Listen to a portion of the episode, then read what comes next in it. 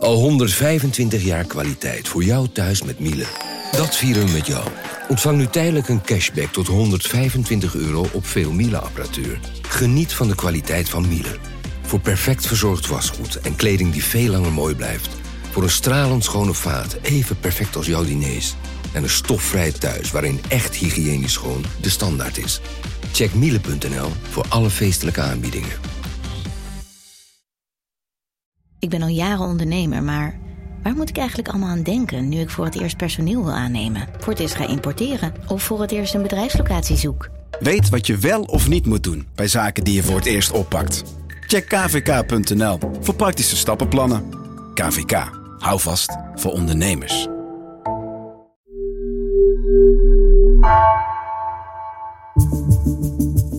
Vanaf de redactie van NRC het verhaal van vandaag. Mijn naam is Geertje Tunter.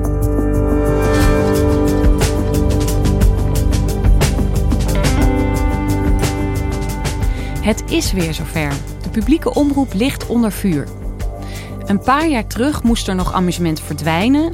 Nu wil de NPO juist meer amusement om jongeren te lokken. Programma's als Andere Tijden en Radar dreigen daarvan slachtoffer te worden. Televisierecensent Arjen Fortuyn kijkt voor deze keer achter de schermen en ziet vooral een machtsstrijd tussen de omroepen en het NPO-bestuur.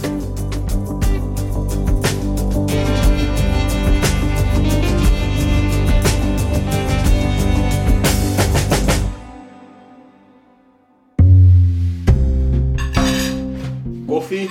Ja, lekker.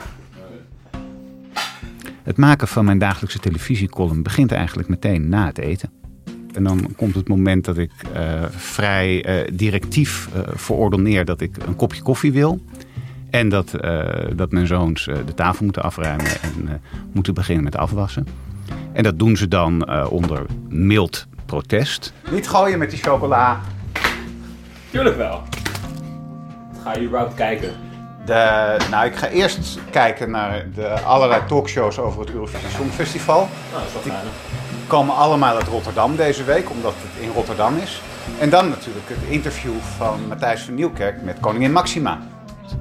En uh, dan is het eigenlijk voor mij zaak dat uh, zo snel mogelijk iedereen uit de keuken verdwijnt. En dat ik nog steeds op dezelfde stoel waar ik uh, op zat toen ik at, die draai ik dan een kwartslag. En dan staat daar de, de tweede televisie die ik speciaal gekocht heb toen ik televisierecensent was. En dan zet ik hem aan. Dat, dat was de koffie. Nou, de tv. Ah, daar is Django McCoy en de laptop aan om te zien wat er in de rest van de wereld nog gebeurt. Zo. En waarom heb je daar een extra tv voor nodig eigenlijk? Omdat het wel echt werk is. Ik heb heel erg het idee, uh, dat doe ik dus ook nooit, maar dat als ik met mijn gezin op de bank zit, dan wil je onderling een beetje praten en observaties delen. En uh, ja, voor je het weet uh, raak je afgeleid. Inmiddels is het acht uur journaal bezig en kijk ik alvast even op Twitter wat er vanavond in de talkshows zit. In principe kijk ik s ochtends in de gids van wat is er. En dan kies ik meestal twee, programma's uit waarvan ik denk van hé, hey, dit zou het wel eens kunnen zijn. Maar tegelijkertijd is televisie ook een actueel medium. Dus moet ik in de loop van de avond kijken of er niet iets gebeurt waardoor ik mijn plannen om moet gooien. Bovendien komt natuurlijk ook regelmatig voor dat ik van tevoren denk van deze documentaire over Kirgizië is heel interessant. Hier ga ik iets mee doen. En dat ik na twintig minuten kijken denk van mijn hemel, hier heb ik niks aan toe te voegen. En dan moet ik van plan veranderen. Er zijn ook wel, dat zijn de ergste avonden waarop ik net drie keer van plan verander en uiteindelijk om half elf ten einde raad nog maar een programma opzet en denk van ja, oké, okay, 1, 2, 3 in godsnaam, deze dan maar, want uh, er komt worden. een deadline aan. Ja. Mijn opdracht is uiteindelijk niet zozeer om televisie te kijken, maar om interessante stukjes te schrijven. Arjen, jij voert dit ritueel al 3,5 jaar uit en je schrijft uh, dus dagelijkse televisiecolumns voor NRC.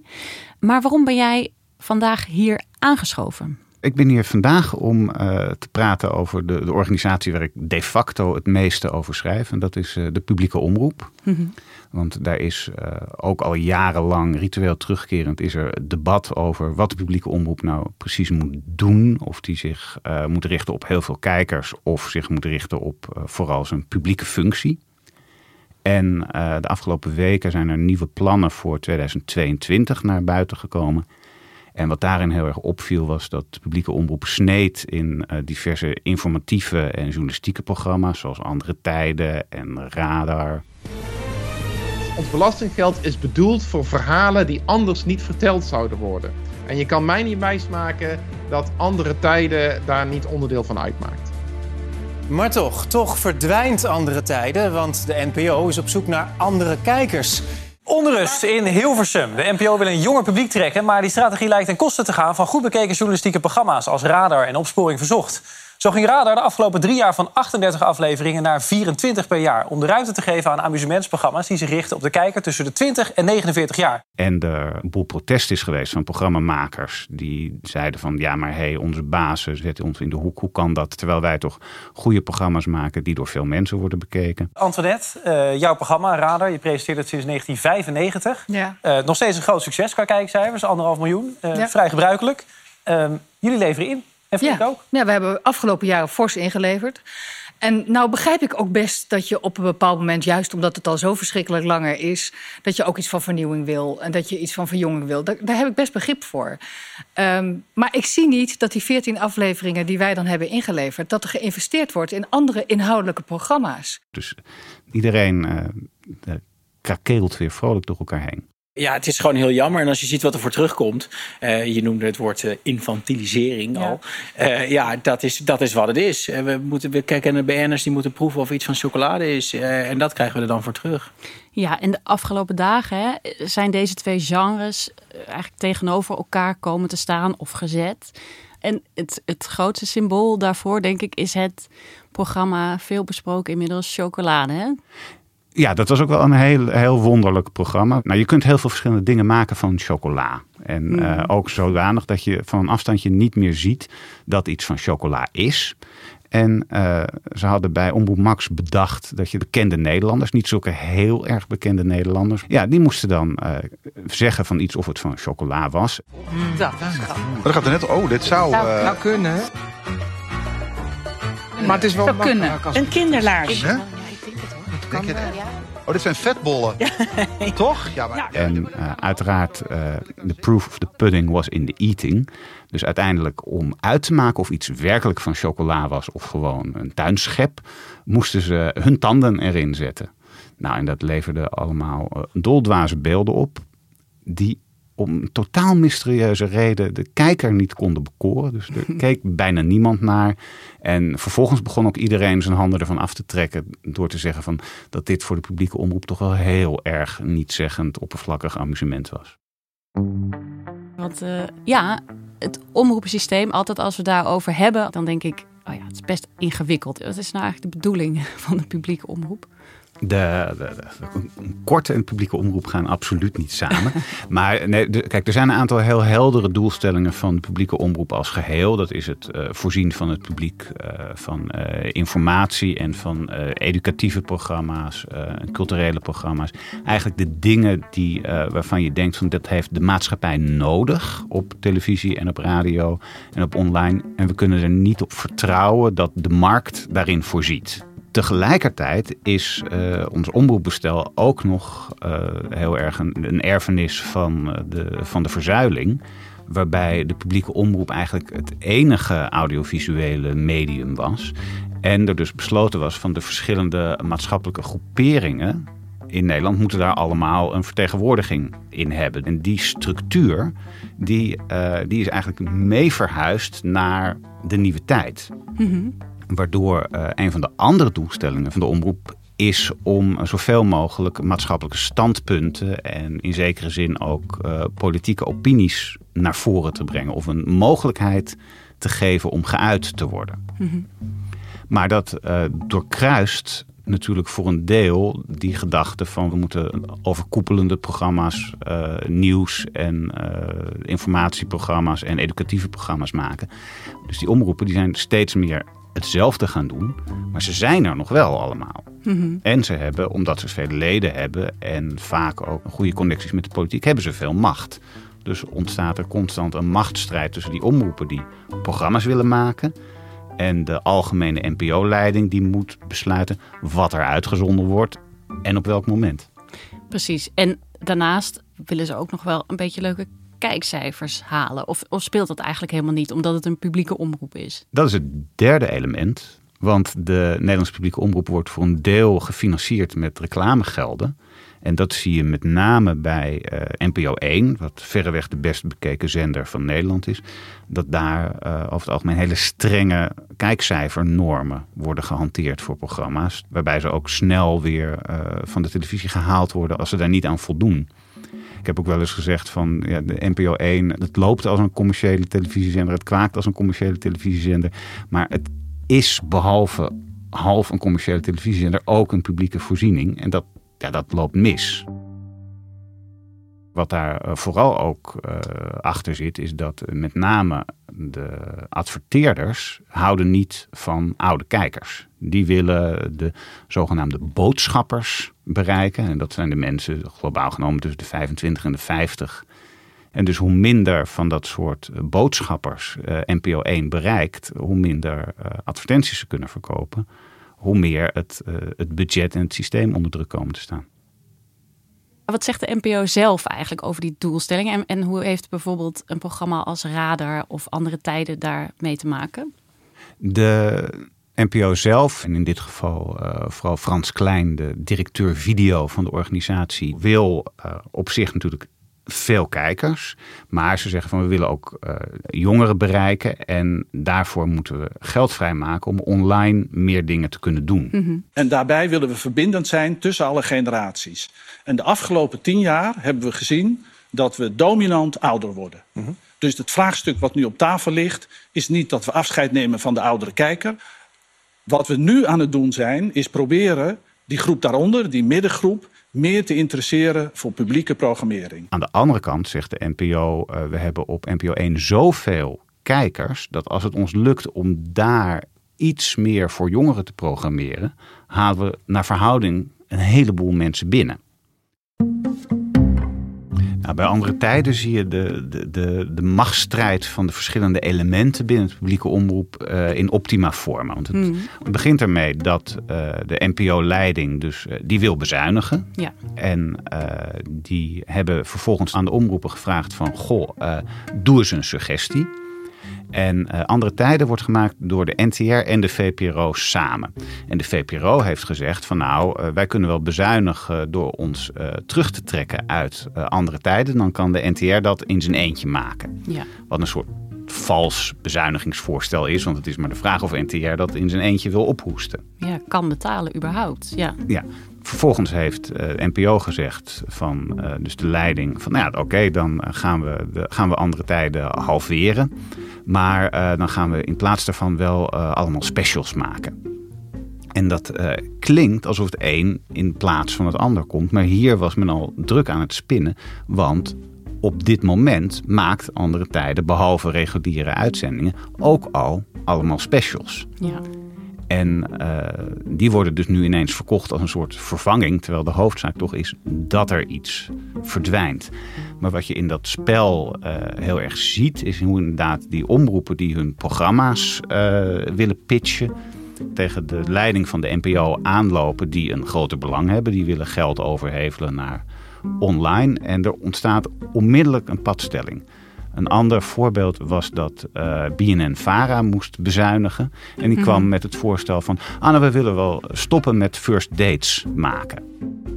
Oh ja, heel populair, juist onder jonge mensen. Ja, dat, dat, dat is echt het programma waarvan je weet... dat de NPO-leiding als aller, aller, aller, aller, aller allerlaatste zal zeggen, zeg maar, als er helemaal geen televisie meer is, dan zullen ze zeggen van, nou, dan moeten we nu maar stoppen met first dates. En wat je hieraan ziet, behalve dat het uh, aan de ene kant heel treurig is en aan de andere kant wel amusant, is dat dus die verschillende machtsblokken in dat systeem elkaar gegijzeld houden. -hmm. En uh, dus enorme kluwen van belangen geworden eigenlijk. En uh, ja, het, het, spel wordt dus ook wel heel mooi gespeeld naar buiten toe als ik dit hoor. Ja, want niemand wil uiteindelijk de boeman zijn die uh, ervoor gezorgd heeft dat er weer een uh, informatief uh, journalistiek programma verdwijnt of kleiner wordt. Vrijwel altijd ten faveur van dingen die net wat minder diep graven. Jij zegt bijna altijd ten faveur van ja, lichtere programma's, van amusement.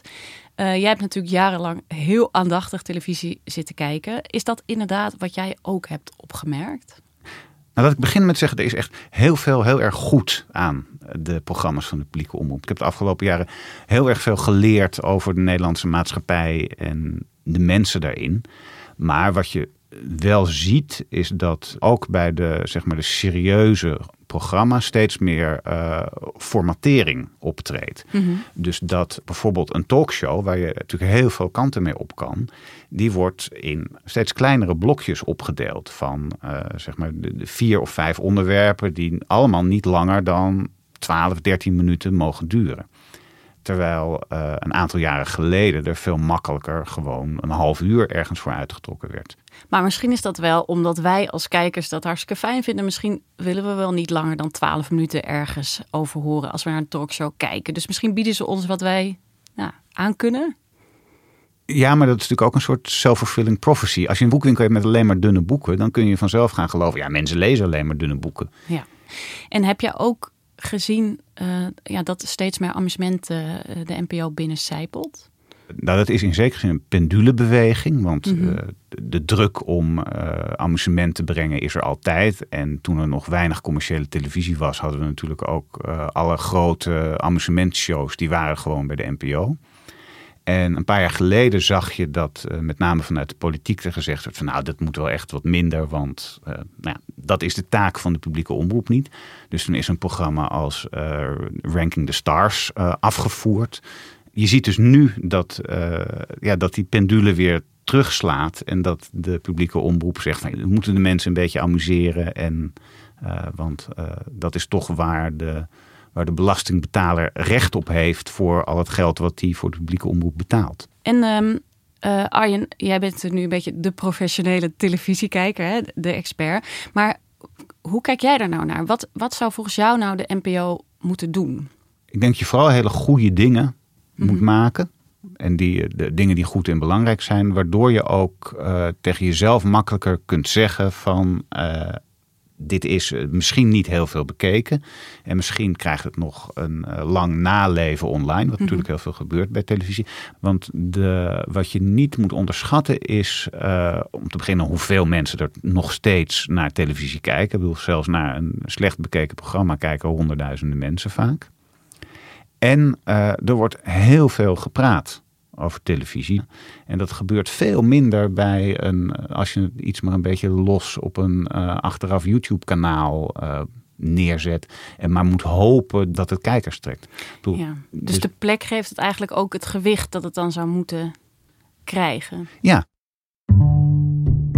En um, wat voor soort programma's verwacht jij dan eigenlijk uh, de komende tijd? Heb je daar al ideeën over wat hier uit de voorschijn gaat komen? Ik denk wat hier vooral uit de voorschijn gaat komen is een verdere groei van het, uh, van het genre infotainment. Mm -hmm. Waarbij er wel iets aanwijsbaar informatiefs in het, in het programma is. Maar waarin het toch vooral heel gezellig is. En er is een enorme wildgroei aan programma's die, uh, als, die zeg maar de voornaam van de presentator in de titel hebben. Mm -hmm. Je hebt nu uh, Dionne dichtbij, waarin Dionne straks uh, Maxima achterna reist. Ja, niet zo heel dichtbij komt, constateerde jij geloof ik. Nee, het is een mislukt programma. Maar het interessante is dat twintig jaar geleden had dat de naam van het programma met het onderwerp te maken gehad. En nu moet daar die presentator voorgeplakt worden in een soort gedachte van dat we dan, uh, als Dionne Staks het doet, dat we dan eerder gaan kijken. Ja, en met deze trend uh, in het achterhoofd, ja, heb je er nog wel zin in, dat tv kijken de hele tijd? Ja, kijk, ik keek heel weinig televisie voordat ik hiermee begon. En ik dacht, er moet toch elke avond één programma zijn wat de moeite waard is. En uh, ja, dat is zo. Er is altijd, dus elke avond is er wel iets wat bijzonder en, uh, en spannend is of verrassend. Of iets wat je helemaal niet begrijpt. Zo heeft, heeft het mij weken gekost om het programma Promenade te begrijpen. De, de nep-talkshow van uh, Diederik Ebbingen, waarin wat eigenlijk een soort persiflage was op talkshows. Waarin mensen alleen maar clichés uitstoten. En het was dus ook een soort uitvergroting van alles wat belachelijk is aan televisie. Het bijzondere daarvan was dat inderdaad een soort programma was wat op een gegeven moment samen ging vallen met wat het persifleerde. En dat is waanzinnig knap. Thijs van der Brink. Hij presenteerde afgelopen dinsdag op 1. Zat woensdag aan tafel bij op 1. En donderdag stond hij met zijn nieuwe programma God Jezus Trump recht tegenover op 1. Eva, is het eerder voorgekomen dat een BN'er in één week zowel presentator, gast als concurrent van zijn eigen programma was? Nou, ik denk dat, uh, dat uh, Thijs daar absoluut een primeur te pakken heeft. Ja, hè? ja, en dit is wel iets, ik kan me voorstellen, voor de tv-recensent is dat natuurlijk echt spullen. Hè? Het is bijna bedoeld voor jou. Ja, ik heb ook wel eens opgeschreven van dat het eigenlijk een slecht teken is als je promenade begrijpt, want dan kijk je te veel televisie. Ja, dan zit je er echt goed in. Dankjewel, uh, Arjen. Tot je dienst.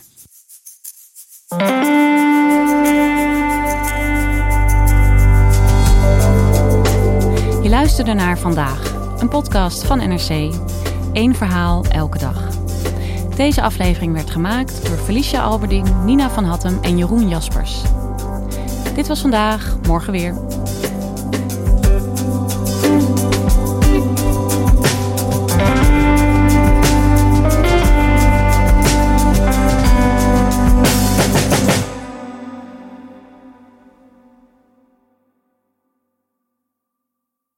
Technologie lijkt tegenwoordig het antwoord op iedere uitdaging. Bij PwC zien we dit anders. Als we de potentie van technologie willen benutten, kunnen we niet zonder een menselijk perspectief. Human-led, tech-powered noemen we dat. Ga naar pwc.nl.